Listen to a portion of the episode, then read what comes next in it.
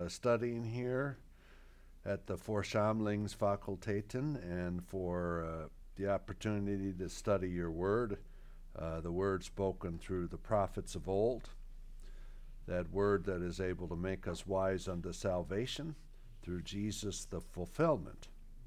Uh, bless our studies, help us become uh, apt readers and understanders of your word, and also apt teachers of your word to the joy and edification of many people. In uh, so, bless our studies, help us understand your word, give us a rich measure of the Spirit who spoke through the prophets. In the name of Jesus the Messiah, amen. Uh, one announcement, a self serving plug. uh, I'll pass this around. Here's a book that uh, it would be good to take a look at if you ever get a chance. It's called The Press of the Text and it's a collection of studies in honor of my colleague and good friend Jim Voelz. So it's uh, I'm plugging a book that I was uh, one of the editors for. okay. Um,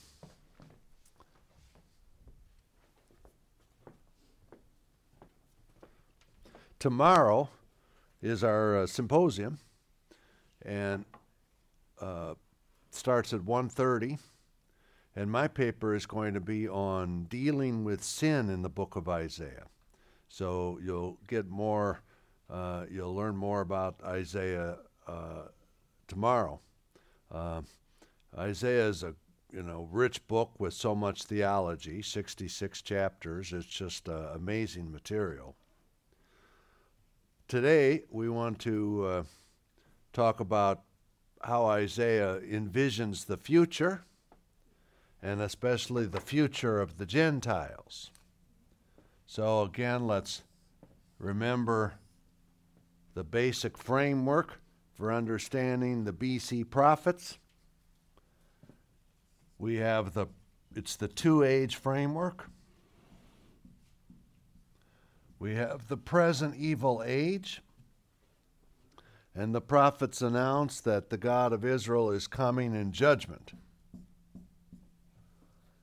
The status quo is completely unacceptable. Everything's amiss. Corrupt leadership, corrupt priests. The people are corrupt. All, all manner of wickedness. They go after other gods. They worship the true God, but hip, with hypocrisy. Uh, they uh, oppress each other, exploit each other. Uh, er, uh, they look away from the God of Israel and rely on other objects of trust. They rely on their uh, alliances, every manner of, of wickedness among his own people. And certainly the Gentiles are in total darkness with their gods and goddesses, but God expected more of his own people. But it turns out that his own people want to be like the Gentiles. So, uh, so the prophet comes and announces coming judgment. And that's going to happen in the immediate future through the Assyrians and then later through the Babylonians. Ultimately, judgment happens on the last day of history. There's an ultimate judgment day to come. So uh, we have to always uh, uh, think of it as, first of all, as announcing God's condemnation of the sinners and the coming judgment. But then what? The, the prophet doesn't just say, Amen. God is going to put to death Israel. Amen. Then the prophet announces, and then there's going to be an age to come. Right? An age to come. And we saw that that age to come is going to be reversals. So every angle is going to be different. So if the judgment means the people go into exile, the reversal means God brings the exiles back. If the judgment means God does not dwell in the midst of his people, the reversal is God does dwell in the, in the midst of his people. If the judgment means the Gentiles are going to be used to destroy Zion, the reversal is the Gentiles will be converted and brought to Zion to worship. If the judgment is Israel's going to become is becoming like the Gentiles, the reversal is the Gentiles will become like Israel. Just reverse. Instead of Israel wanting to follow the Gentile gods and goddesses, the Gentiles will follow the God of Israel. So it's just, they portray this age to come as constant reversals. And that must have seemed amazing to these people. What are you talking about? The Gentiles are going to stream to Zion and want to learn from our God? You're living in a dream world, prophet man. Some kind of dream world. Well, sure enough, 2,700 years later, we can say this is exactly what happened. and we're living proof of it. We're Gentiles, and we worship the God of Israel. And one of the promises is right now they have crooked kings, but on that day there'll be a righteous king from the line of David. Uh, all right, so look at your sheet. Gentiles coming to worship the God of Israel.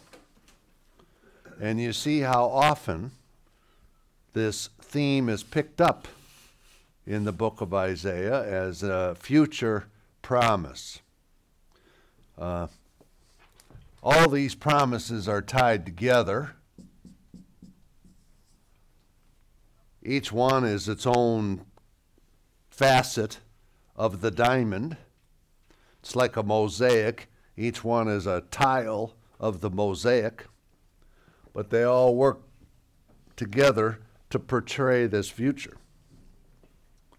Um, so just look at the sheet.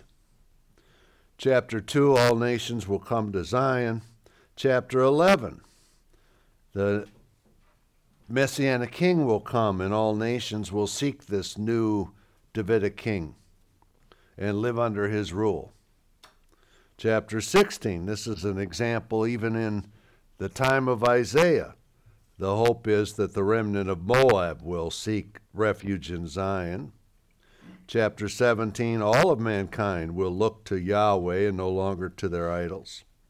Chapter 18 Even Cush will bring tribute to Yahweh in Zion. So Yahweh's dwells in Zion.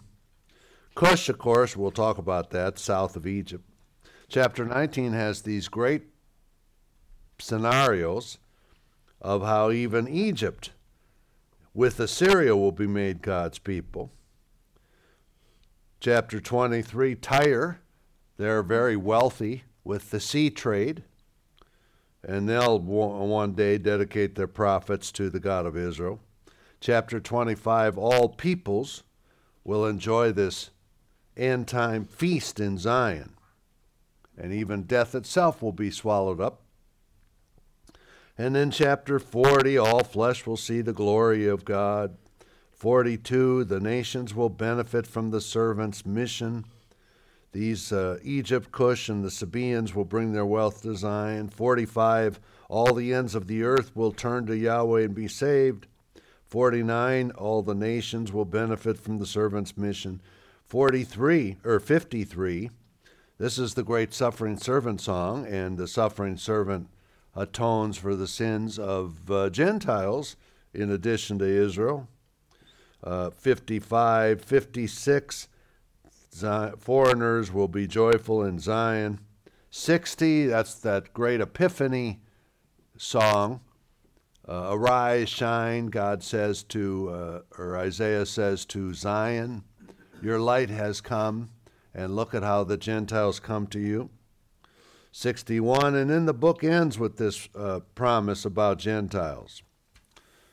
So that's a lot of passages we want to look at. Uh, notice how the book has almost, is almost framed with this promise. Chapter 1 is kind of a prologue. The body of the book begins with chapter 2. And right off the bat in chapter 2, you have this promise of the Gentiles coming to Zion. And then at the end of the book, chapter 66, the promise is repeated. So it's kind of brackets the book 2 and 66. So it's this uh, uh, and I think that's intentional to highlight that that promise. Okay, let's look at Isaiah 2. Isaiah 2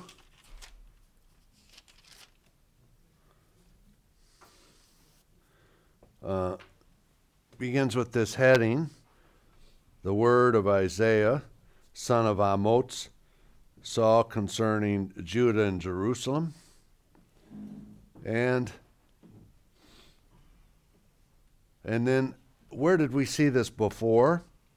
Zion will be exalted and all nations will flow to it. Where did we see this before?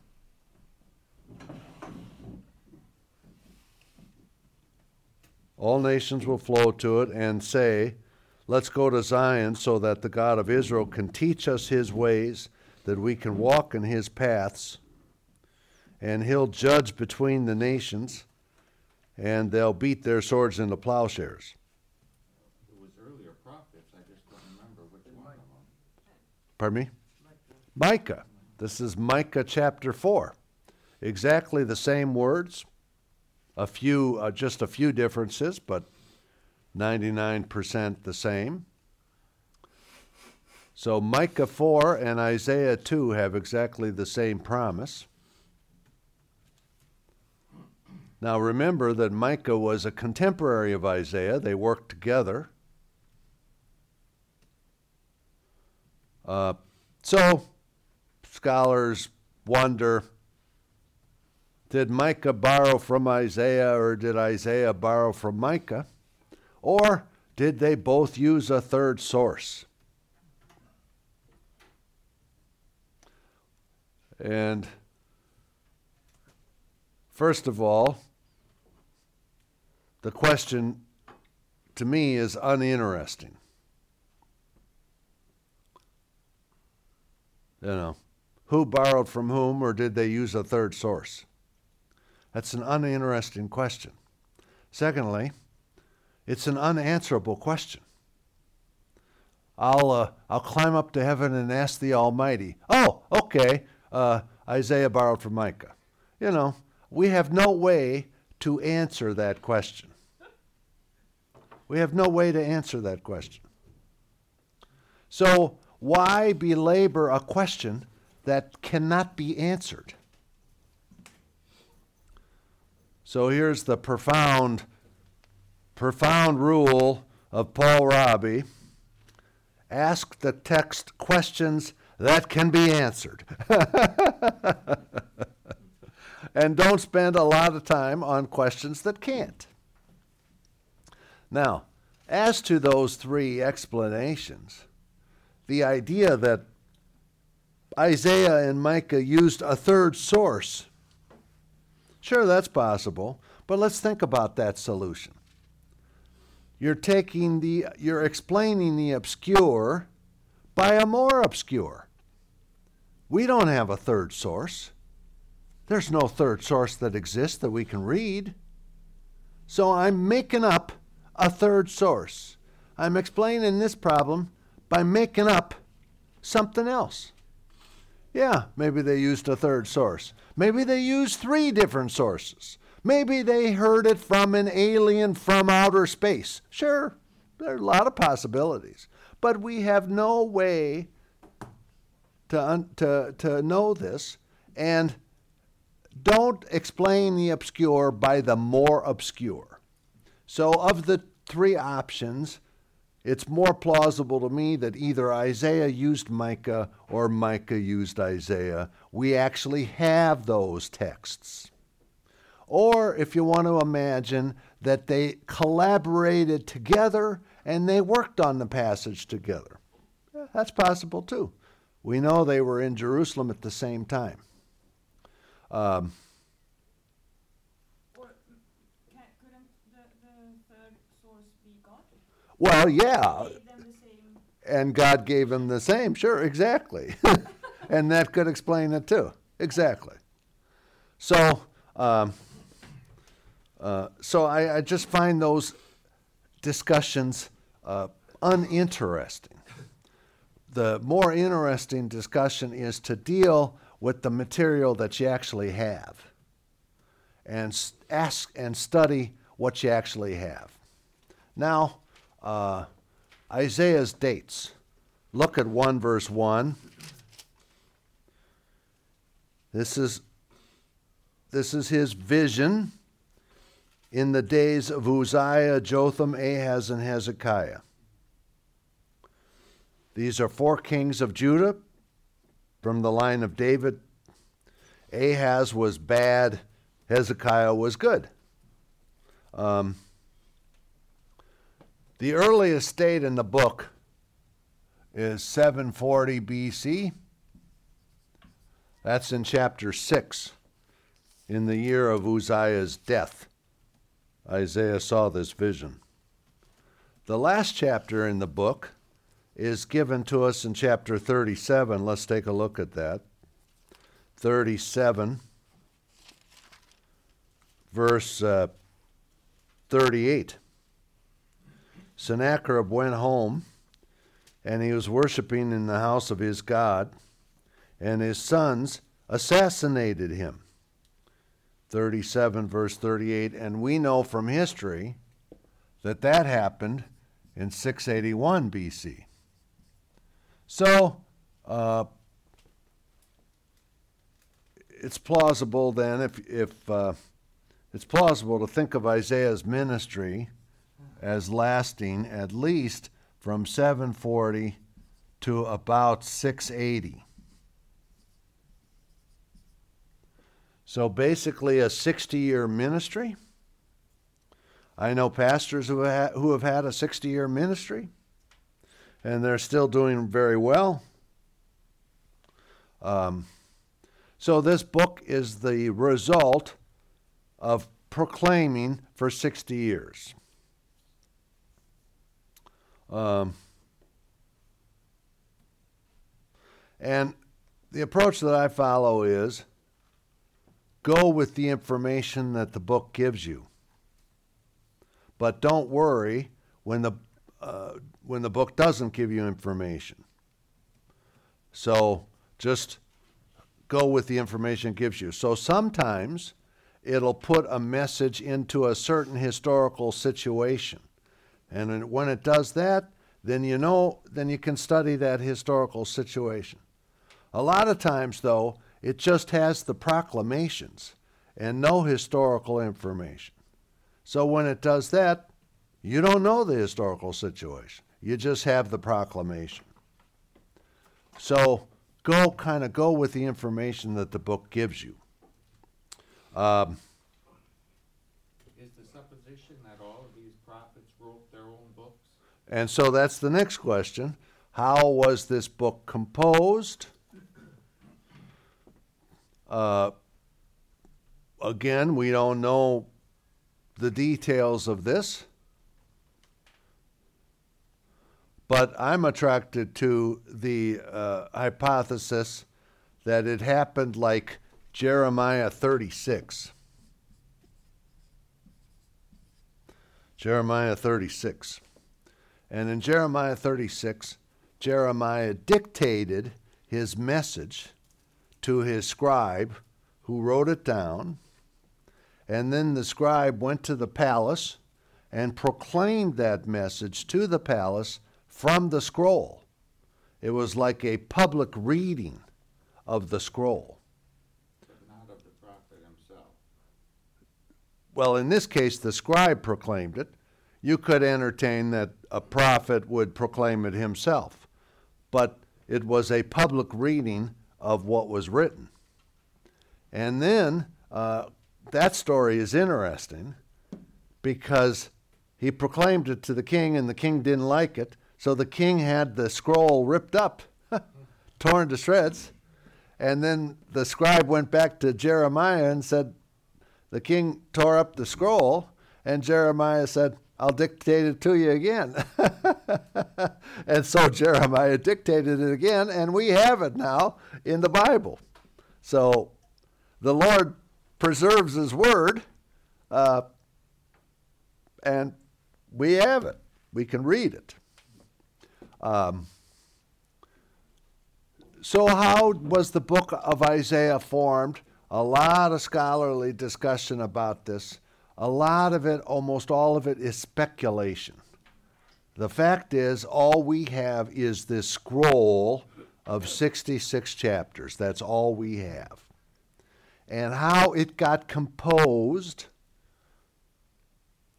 that's all speculation. And a lot of it is speculation piled on speculation. So, previous scholar A said this, and now I'm going to build on that theory and say B. And then my students will build on that theory and say C. And so, generation after generation of scholars just kind of builds on the previous scholarship. Um, what ends up happening then is that speculation piled on speculation. And I always ask, why add another story to the Leaning Tower of Pisa? So it's more helpful to go back to the original and just read it yourself. Put aside all the secondary literature and just read it yourself. Uh, one hypothesis is that Isaiah had this put together during uh, after the time of Hezekiah. Remember, Hezekiah died. Uh, they usually say in 687, and so from 687 to 680 would be under the king Manasseh and Manasseh was one of the worst. And he, uh, according to tradition, he had Isaiah sawn in half. It's very dangerous being a prophet. Uh, uh, so, my hunch is it would be during these years that Isaiah had to go underground and he compiled the results of his ministry. But uh, how exactly that worked, we don't, we don't really know. Of course, in the secondary literature, they posit. Years ago, a century ago, they used to posit two Isaiahs. Uh, they used to say 1 to 39 was written by this Isaiah, then 40 to 66 was written by some other one who was anonymous. Then, uh, that was like 150 years ago. Then, 100 years ago, they posited three Isaiahs. And they said the second anonymous Isaiah just wrote 40 to 55, and then a third anonymous Isaiah composed 56 to 66. And uh, the theory was these were anonymous authors who were in an Isaiah school. So, you know, it just gets speculation piled upon speculation. So they posit an Isaiah school. Oh, do we know that there was an Isaiah school? No, they just made it up. But there was this Isaiah school. And then these anonymous guys, they just decided, I think I'm going to compose some of my own material, but I'm not going to use my own name. I'm going to uh, hide my identity and attribute it to Isaiah. So they wrote some stuff and they added it to the book of Isaiah. Uh, How come they're anonymous? Oh, uh, uh, they're attributing it to Isaiah. They want you to think it's Isaiah, but it's not, it's some other guys. Now, how plausible is this? They're just making this up. All these anonymous authors, a bunch of anonymous authors who are pretending to be Isaiah. That's kind of arrogant. I think I'll just write my own document and I'll attribute it to Martin Luther, even though it's really Paul Raabe spouting off. But people are going to think this is Martin Luther spouting off. But what, what would lead them to draw a conclusion? Oh, it's because of various historical arguments and literary arguments, so they have various arguments. And now, uh, that's not enough to have three Isaiahs. Um, I, by the way, I saw this funny cartoon once. Pictures a professor uh, at his desk with his Hebrew Bible open, a, a, a candlestick, and uh, a big bottle of booze. And he says, I see one, two, three, three Isaiahs. And that cartoon always struck me. It's, you that's probably the, uh, the real origin of the, of the hypothesis. Anyway, now they've added, they've multiplied it, so now they're up to five Isaiahs. And they think the book, they think the book basically took 300 years to produce. So, like from 740 to about 450 and they think that this book was kind of gradually produced by a bunch of anonymous people. And these anonymous people were adding stuff in the first half. So they added chapter 13, they added chapters 24 to 27, they added a bunch of stuff. And uh, so, what we're looking at here is the end result of this complex composition. The whole thing, this entire construct, is completely made up. Completely made up. What do we actually know? Look at 1 verse 1. This is what we actually know. We actually know 1 verse 1. And whoever wrote 1 verse 1 attributes the following 66 chapters to Isaiah the son of Amoz, which he saw over the course of these 60 years from Uzziah to Hezekiah. So that's what we know. And whoever wrote 1 verse 1 wants us to read all 66 chapters as by Isaiah. 1 verse 1 is the title for the whole book. Now, we can say whoever wrote 1 verse 1 was wrong. He was deceiving us. Yeah, we can say that. Or we could say, I'll believe the guy and I'll read I'll read the following 66 chapters the way 1 verse 1 invites me to read it. Now, 1 verse 1 is not saying Isaiah wrote the whole Bible. It's just saying it's attributing these 66 chapters to Isaiah. Then the next material is attributed to a different guy named Jeremiah. And then the next material is attributed to a different guy named Ezekiel. And then the next material to a different guy named Hosea, which tells me that ancient Israel preserved the names of these prophets. They preserved them.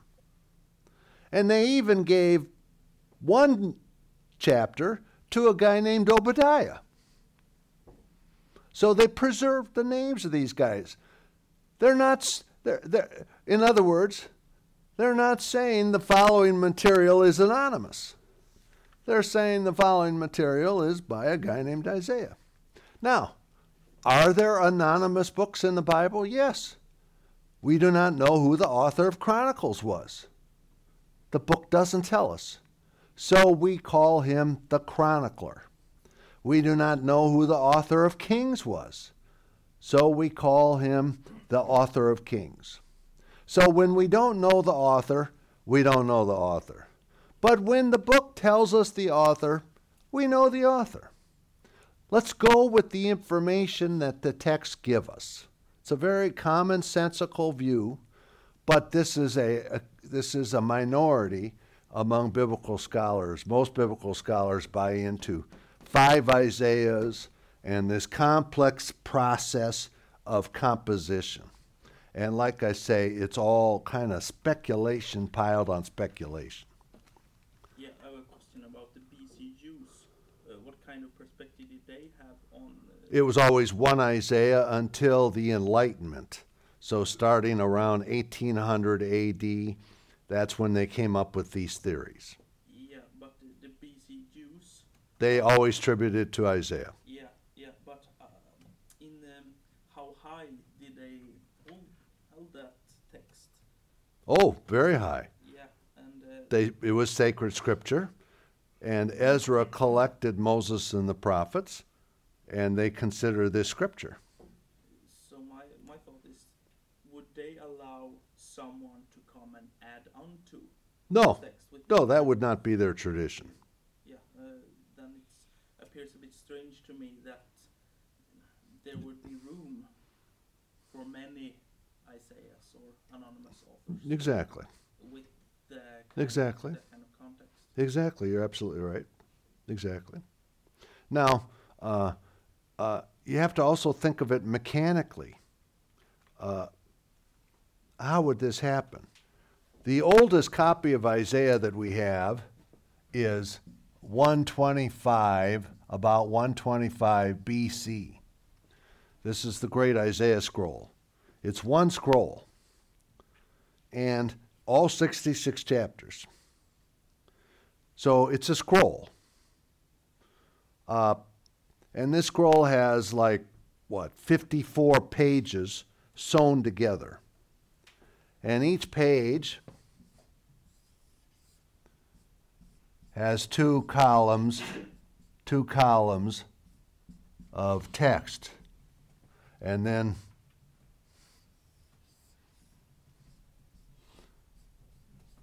Fifty-six, fifty, 54 of these pages are sewn together. So it all unrolls like a scroll.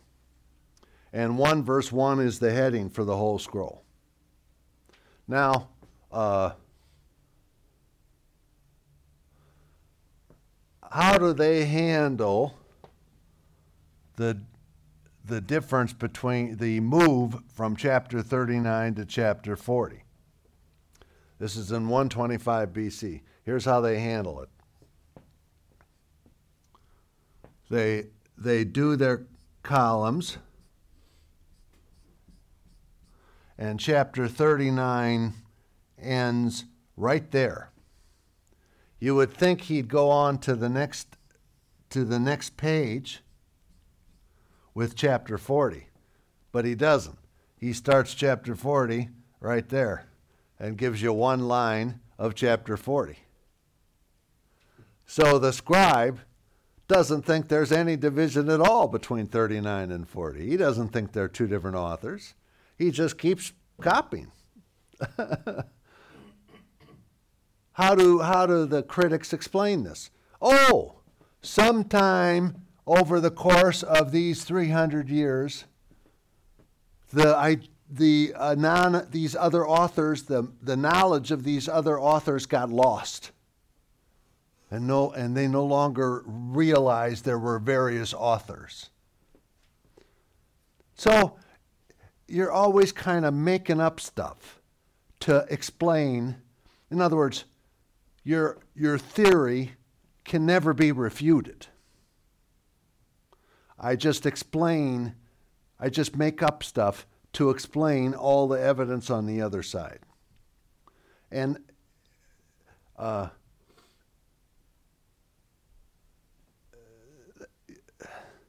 what do you call that in Swedish? Your, your hypothesis can never be refuted because you just always make up stuff to explain it. In, in uh, English, we call that circular reasoning. Apples are true. Yeah, what about oranges? I'll explain oranges as apples. And I just keep going. So I'm never wrong. I'm never wrong. Um, Then, then, then it must be a question then. How can you say that your version can be tested or questioned? Nobody's version can be tested. All we have is what we have in front of us. Because in that case, your argument is also circular. I'm, I, I don't have an explanation for how it was composed. My argument is we have to deal with the 66 chapters we got, and whoever wrote 1 verse 1 wants us to treat the 66 chapters as Isaiah. Whoever wrote 1 verse 1 wants us to read it that way. We can say he's deceiving us. I don't think he's deceiving us. I think he's telling us the truth. So let's read all 66 according to 1 verse 1. Yes. Sorry, um, but the following question, does the first verse say that Isaiah wrote? It says that he saw. Yeah. It's but the word vision is referring to the material. The following material is labeled vision, Yeah, and the following material is by Isaiah. so what he saw must be more than what he wrote, or? I don't know. Who knows? But the following material is labeled his vision. And 1 verse 1 is the introduction for all 66 chapters. No, the Swedish, uh, interpretation is exactly what you say.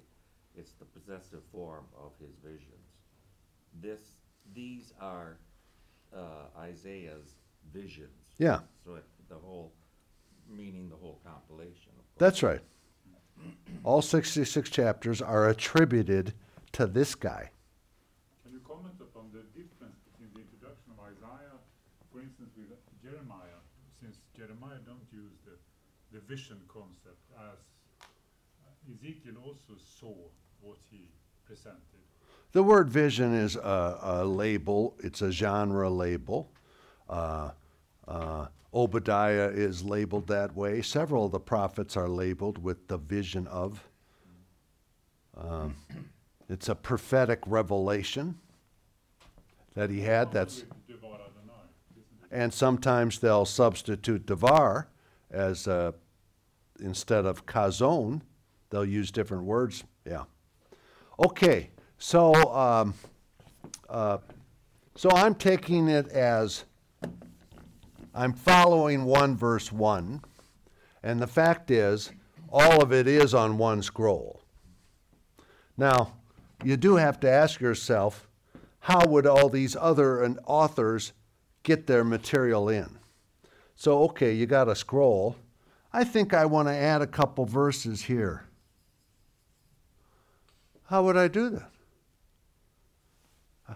How am I going to just insert my material into chapter 13? The only way to do that is I would have to rewrite the entire scroll and throw my material in chapter 13. Well, how hard is that going to be? I have to write the whole thing by hand with an inkwell. How long does it take? Just try it. How long does it take to write one line of Hebrew with an inkwell? That's like a half an hour right there. And I got to write 66 chapters of this. I'm going to it's going to take me a year to rewrite this whole scroll in order to get my section my material in chapter 13. But then another guy wants to add chapters 24 to 27. Now that guy has to rewrite the whole scroll in order to get chapters 24 to 27 in there. So mechanically, you know, we're not talking computer here, and I'll just insert something. Uh, uh, the, the, this, this whole edifice of a bunch of people were adding stuff over the course of 300 years. Mechanically, it would mean each guy would have to rewrite the whole scroll in order to get his material in there. you know, it's it's it's implausible mechanically. This roll from 125 BC, Yes, I guess it was found. It was was found in 1949, yes, 1929. 29. and it's from the Dead Sea. It's one. It's a in uh one of the caves in Qumran, cave number one. Yeah, but but when they started with this uh, multiple Isaiah, Oh, that was that, no. That's right. and I guess it started in Germany. That's right. And it's this uniform. It's this modern Western assumption of uniformity. So uh, this reads like apples. Here's a chapter that reads like oranges. Must be written by somebody else. Instead of saying, "Huh, I guess the same author can write apples and oranges." Uh, Shakespeare can write dramas. Shakespeare can write comedies. Shakespeare can write sonnets. A, a great writer can write in different styles. But since they found the the the old scripture from 125 BC, Did that change their theory? Yeah. No. They re they simply said, "Oh, knowledge of the different Isaiahs got lost." That's what I mean. There is never a way to refute the theory. And and you would think that would say, "Huh, our whole theory is wrong. Back to the drawing board." That's the problem. So that is a good question to ask scholars. Is there any way to refute your theory? And if their answer is no, then then what? That's not scholarship, that's just assertion. I am just asserting. So what I have is I have two facts that are unassailable and indisputable. All 66 chapters are on the same scroll. That's a fact. We, ha- we can show you the scrolls. And the second fact is 1 verse 1 attributes it to Isaiah. Those are indisputable. So let's follow the lead of 1 verse 1.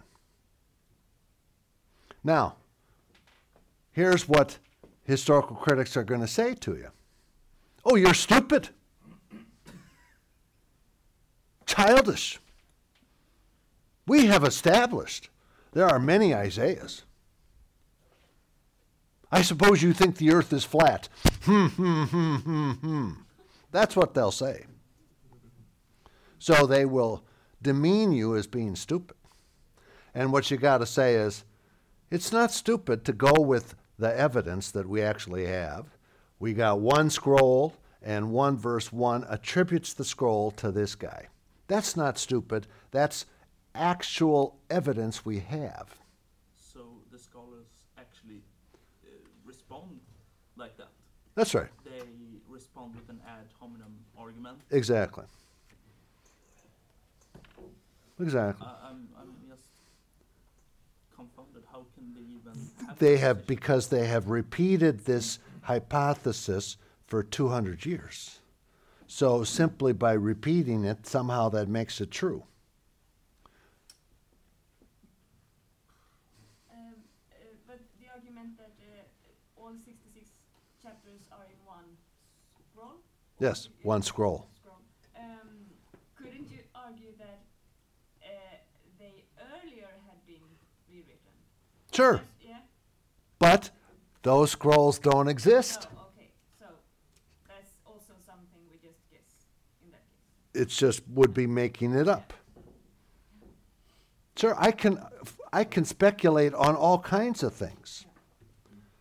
I you know, sure I can do that. Anybody can do that. But you got to deal with what actually exists. But this is the problem, or one reason which, which I don't believe is the basic reason. The basic reason is that people don't believe in divine um, prophecies. Uh, but but but uh, as you have said, we find parts of Isaiah in Micah. So we we really see that Isaiah is found not only in one scroll, but in many places. So there is a quite li- uh, scriptural uh, signs of knowledge uh, from different contexts brought together or used in different ways.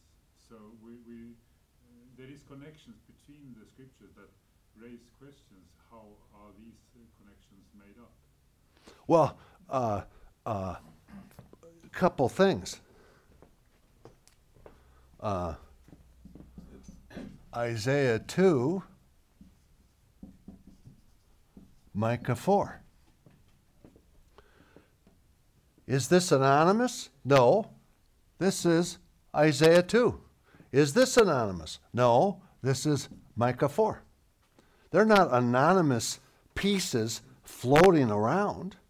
This is attributed to Isaiah. This is attributed to Micah. They're not anonymous. They are actually attributed to authors. So it's not uh, evidence of anonymous material floating around. It's evidence that either Micah used Isaiah or Isaiah used Micah.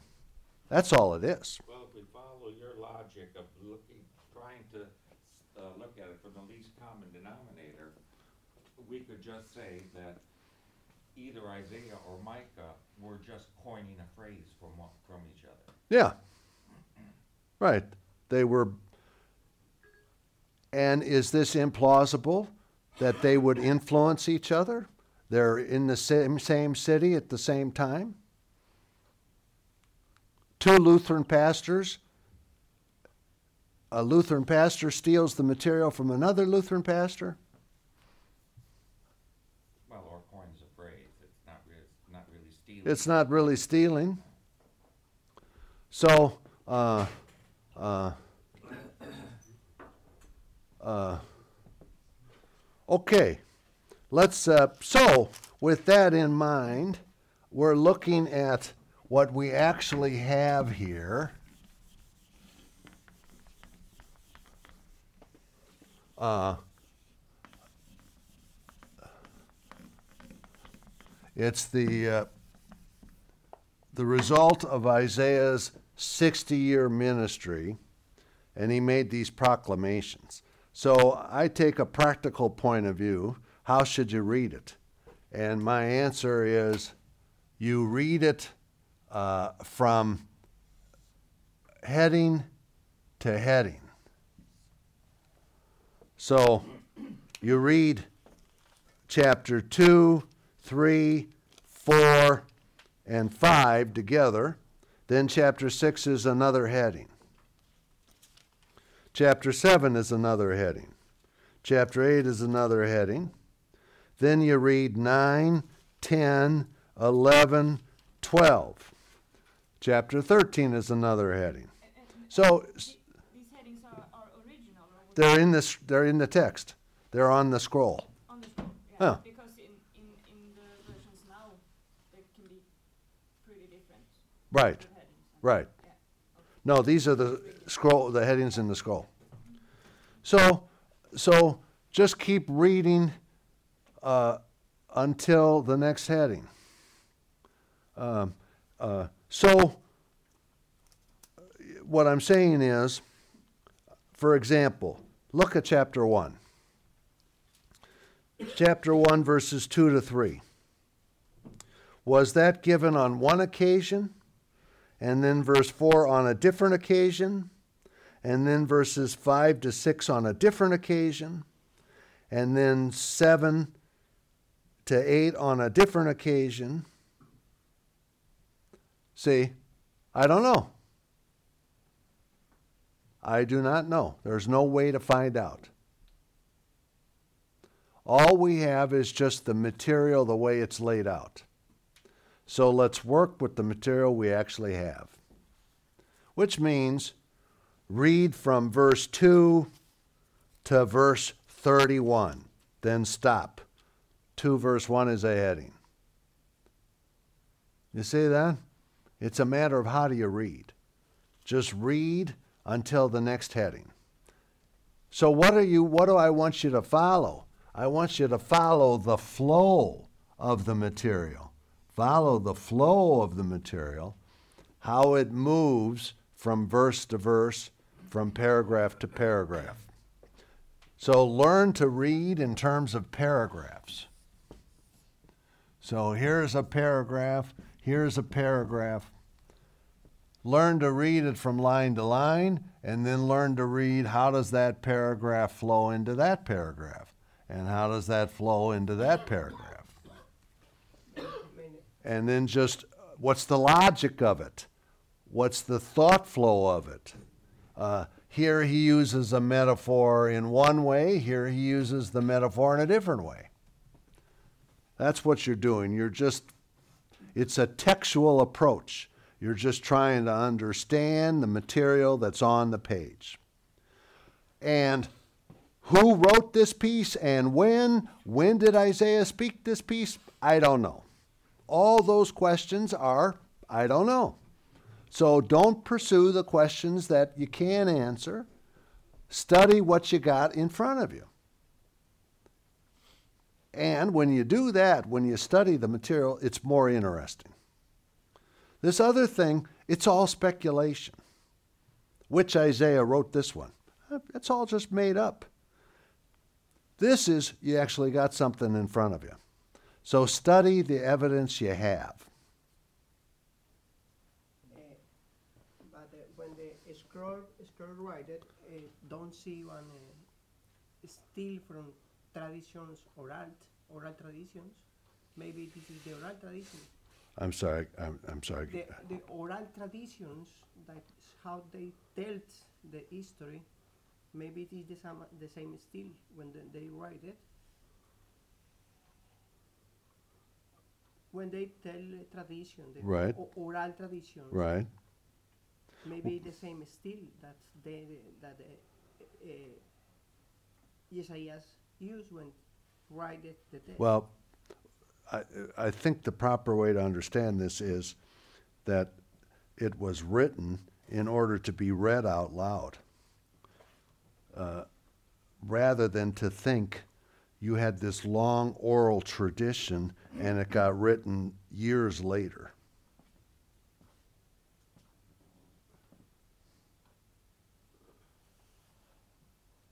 Okay. Um,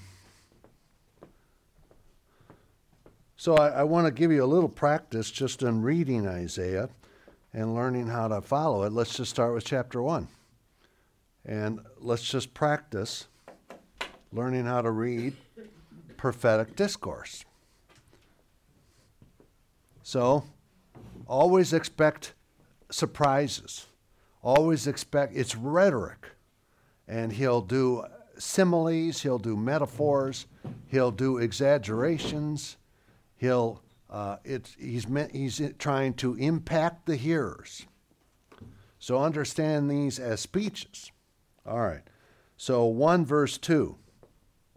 Isaiah says, Hear, O heavens, and give ear, O earth. That's an interesting introduction. Heavens and earth is how you say the universe. Pay attention, O universe. That's kind of an interesting. And then why should the universe pay attention? For Yahweh has spoken. So now God is the speaker, and he's speaking to the universe. It's kind of interesting. He's the creator of the heavens and the earth. And what does he say? Children I have reared and brought up, but they have rebelled against me. Now, here's a, a, a tip always keep reading. Always keep reading and later material is going to clarify it. Excuse me, sir, couldn't you read it in Hebrew? Pardon me? Excuse me, sir, couldn't you read out in Hebrew? Couldn't you read it out in Hebrew? Yeah, but nobody here in the room would understand. Nobody. Well, except you. Okay. No, okay, uh, just a question. Um, um, so I'll read it from the English translation. Uh, Children I have reared and brought up, but they have rebelled against me. Well, who, who are these children you're talking about? Huh? Children. Keep reading. The ox knows its owner, the donkey knows its master's crib, but Israel does not know, My people do not understand. So, who are the children? Israel. So, God has made them his children. He's the creator of the heavens and the earth, but he's made Israel his own children. He's become their father. He treated them like children.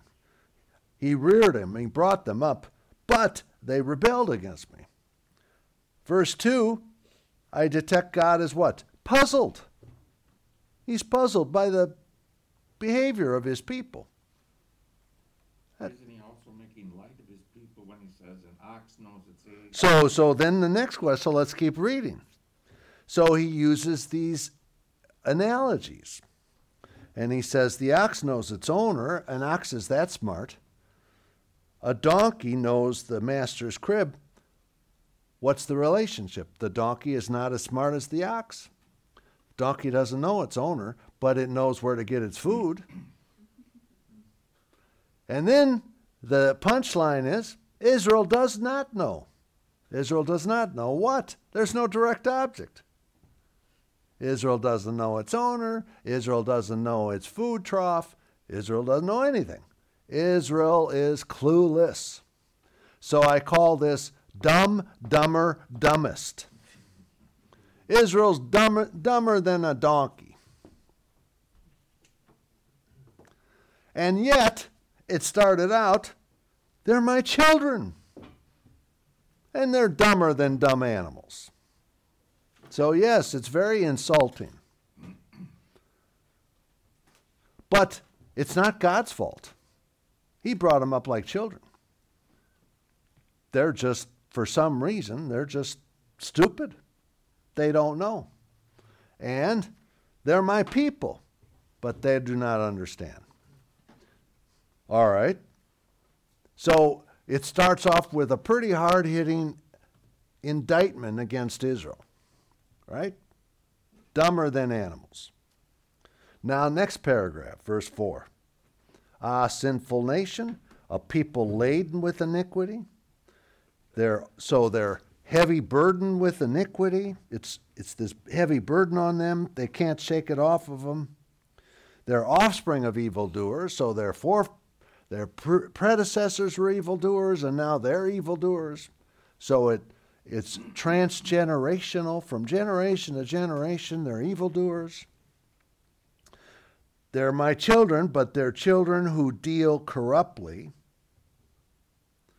Uh, or you could say they're children of their predecessors who deal corruptly. And then here, notice the first, the basic problem. They have forsaken Yahweh.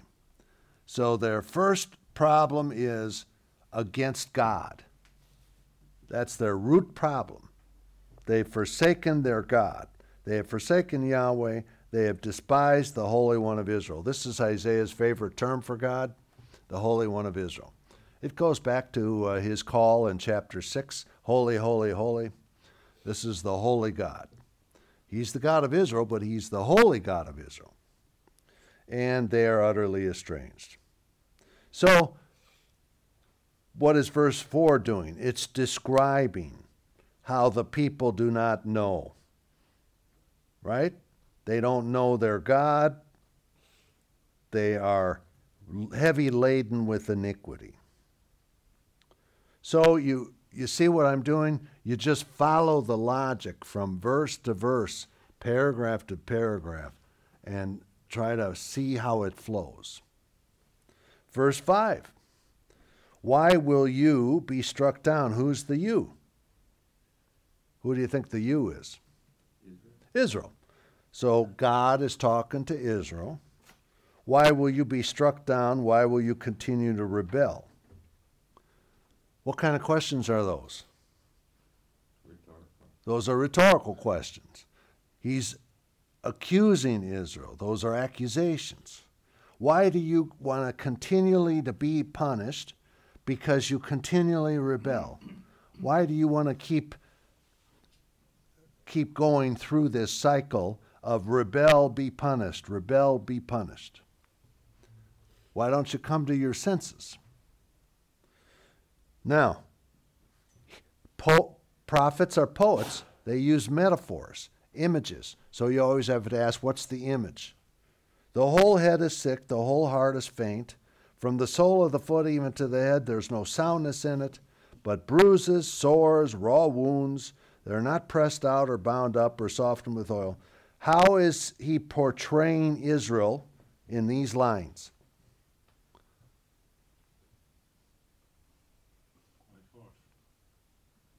Israel is what?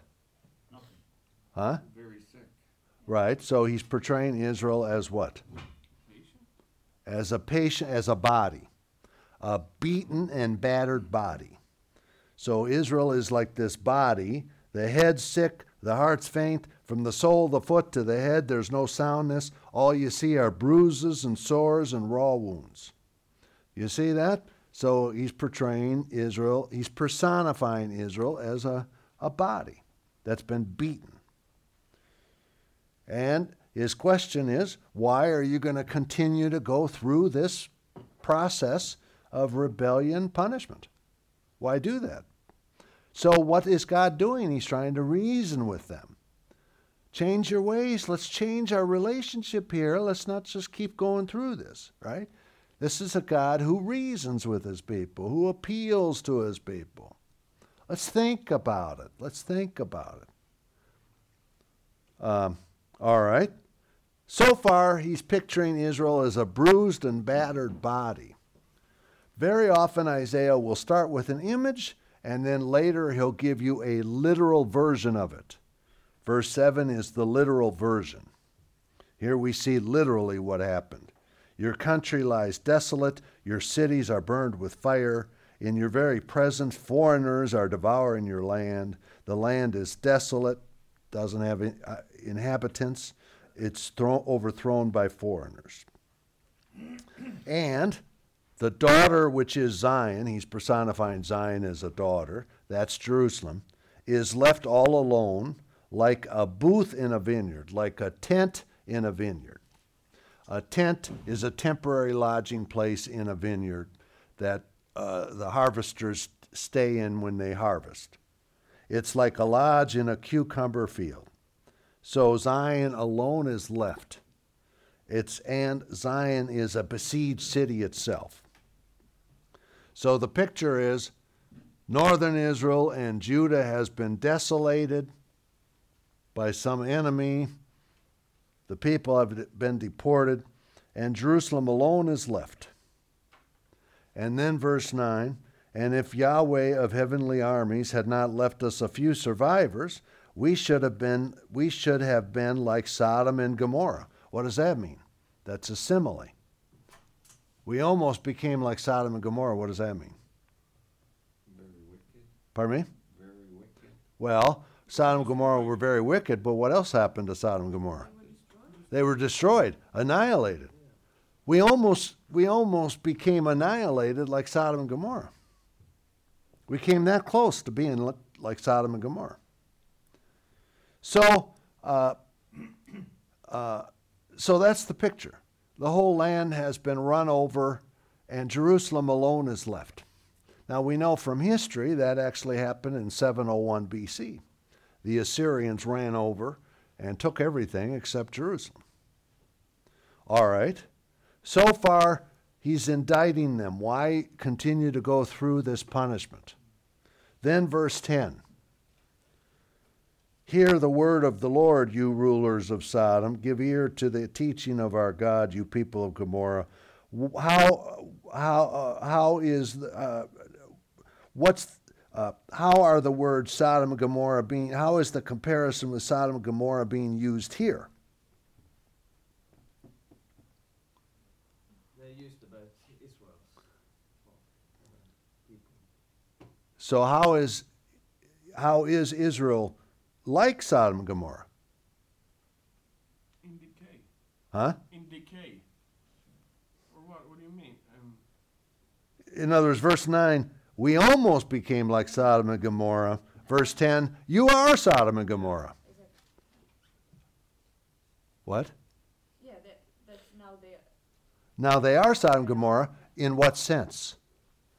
They It- behave like them. Pardon me? They behave like them. They, they behave like them. They're wicked.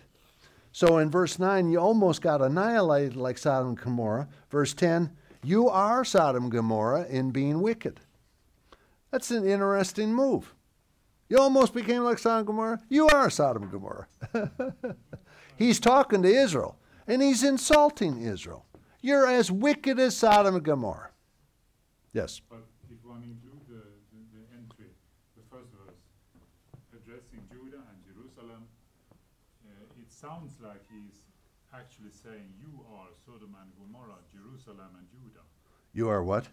Uh, you, uh, Ju- Judah and Jerusalem, are Sodom and Gomorrah. Yeah, that's right. That's what he's saying. That's really. How can he say so? They're as wicked as Sodom and Gomorrah. No, they are. He's accusing them of being, uh, you are wicked as Sodom and Gomorrah. You are Sodom and Gomorrah. city of God That's a metaphor. Sodom and Gomorrah. That's a metaphor. Yeah, I understand that. So you almost got destroyed like Sodom and Gomorrah. You are as wicked as Sodom and Gomorrah. But who's he talking to? Israel, God's covenant people. So uh, uh, this is very insulting. A prophet, his task, you know, lot, all, uh, you got to think rhetoric. They can be very sarcastic, they can be very insulting. They can be very accusatory. They can threaten. Uh, they can p- portray the, the darkest scenarios. But they can also give promises in all of their sweetness. So they can preach the law in all of its severity and the gospel in all of its sweetness.